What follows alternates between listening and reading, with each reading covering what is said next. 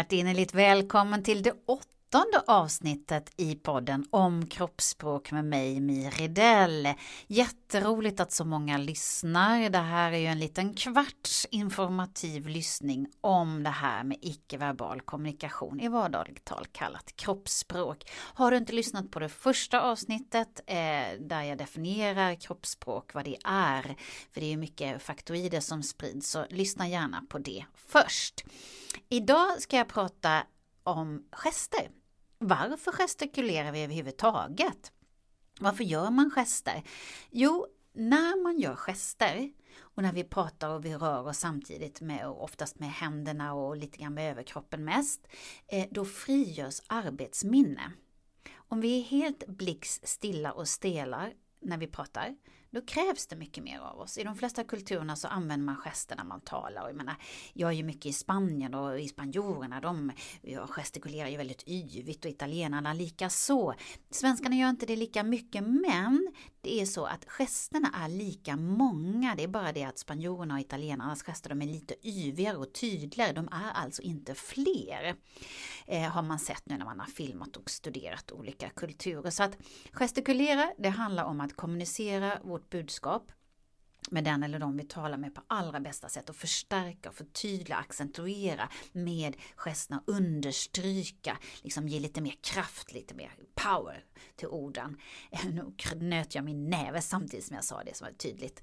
Ehm, och det här är ju en podd, ni lyssnar ju bara på mig, ni kan inte se mina gester nu, men man gör ju gester även om inte man ser den man talar med. Till och med de som inte ser alls, de som är födda blinda, de gestikulerar, de använder gesterna.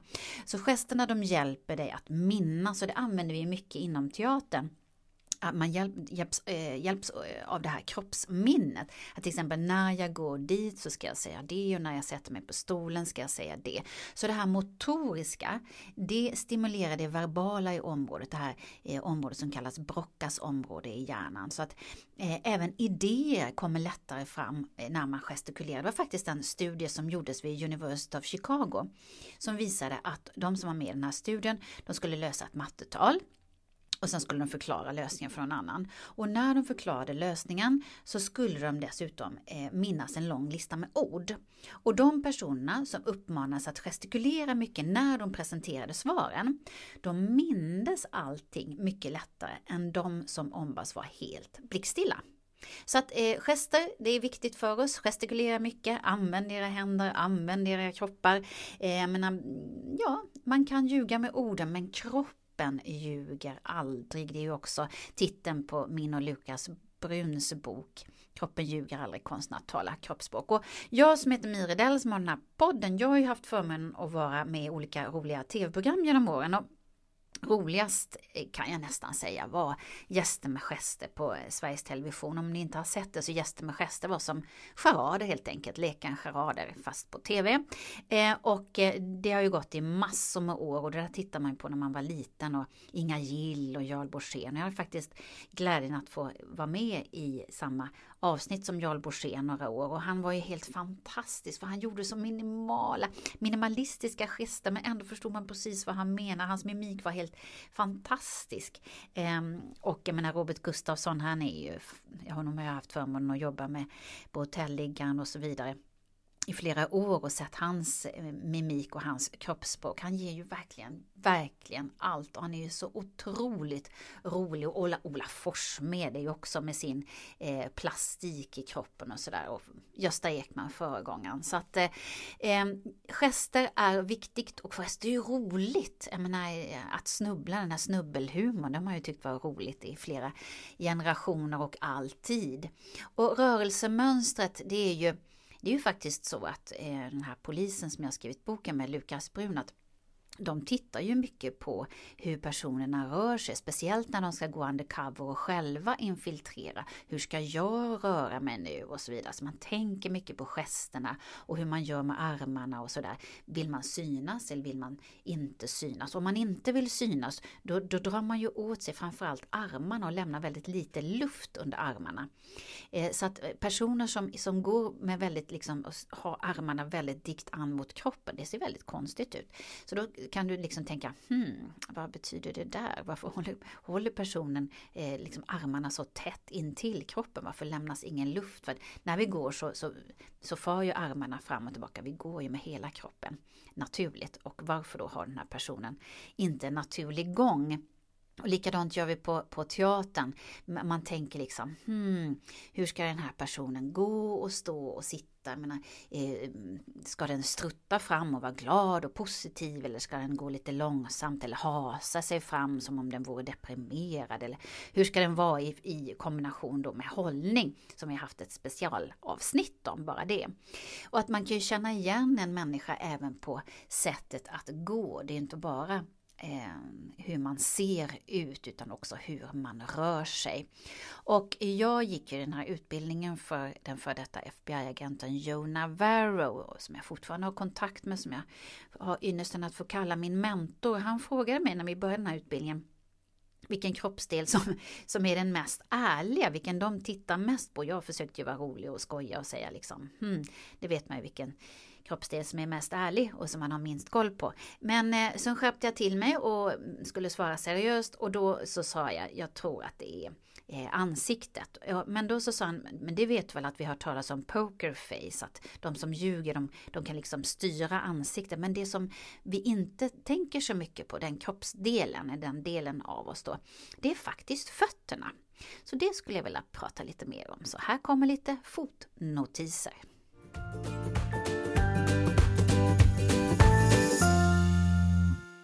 Så svaret på Joe Navarros fråga när han frågade vilken kroppsdel de tittar mest på, vilken kroppsdel vi har minst koll på, vilken kroppsdel som avslöjas mest. Det var inte ansiktet, för man kan ha ett pokerface, det kan man styra, men sa Joe Navarro, du har väl aldrig hört talas om poker feet? Nej, det hade jag inte. Eh, fötterna de har ju räddat oss sen vi började gå upprätta här på jorden. Men vi har ju fötterna att tacka för mycket. Innan vi hade språket så var ju liksom fötterna, det är en känsloindikator, man har happy feet, man är glad och man hoppar och fötterna, jag menar, det är därför vi blir så bleka i ansiktet när vi står inför ett hot. Det är ju för att allt blod och all kraft går ner till benen för att vi ska behöva fly. Så att eh, Fötterna har ju räddat oss. Eh, jag menar, man, man, eh, instinktivt så, så händer det saker i fötter och benen när vi står inför ett hot. Och det är ju den limbiska delen av hjärnan som styr det. Eh, så att vi har ju väldigt god kontroll som sagt var över många andra kroppsdelar men inte av fötterna. Och hur, hur, tänker de då? Jo men till exempel då FBI och de här i viss mån också Lukas Brun och allting när de tittar på människor ljuger eller inte eller hur de verkligen Eh, tycker och tänker ärligt så tittar de på fötterna. Till exempel, eh, man utnyttjar den här fotkunskapen. Om en person har eh, hoppande fötter, man är nervös, men ni vet väl de som bara håller på och, och stress, är stressade med fötterna och, fötterna och benen hoppar upp och ner.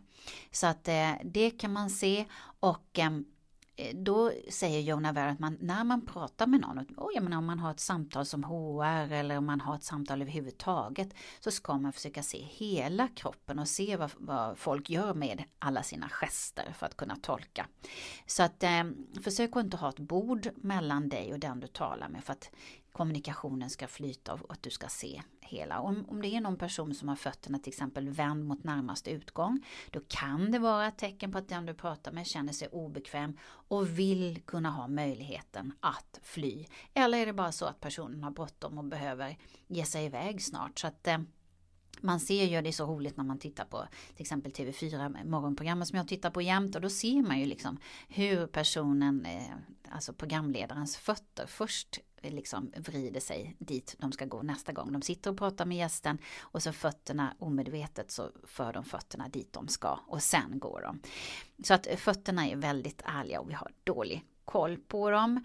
Ehm, och när man är osäker så kan ju fötterna, det är liksom tydlig gest att man kan ha fötterna, tårna pekar mot varandra och och eh, eh man, eh, till exempel, det är inte så många som minns det längre, men om man googlar så till exempel Olof Palme, han verkade ju väldigt lugn och sansad på överkroppen, men så stod han lutad i sådana här talarpulpet och då doldes fötterna, men då var det ett, ett, ett klipp när hans fötter filmar, då håller han på och är jättenervös med fötterna, men upp upp till så är han hur lugn och karismatisk som helst. Men sen så står han och är väldigt stressad med fötterna.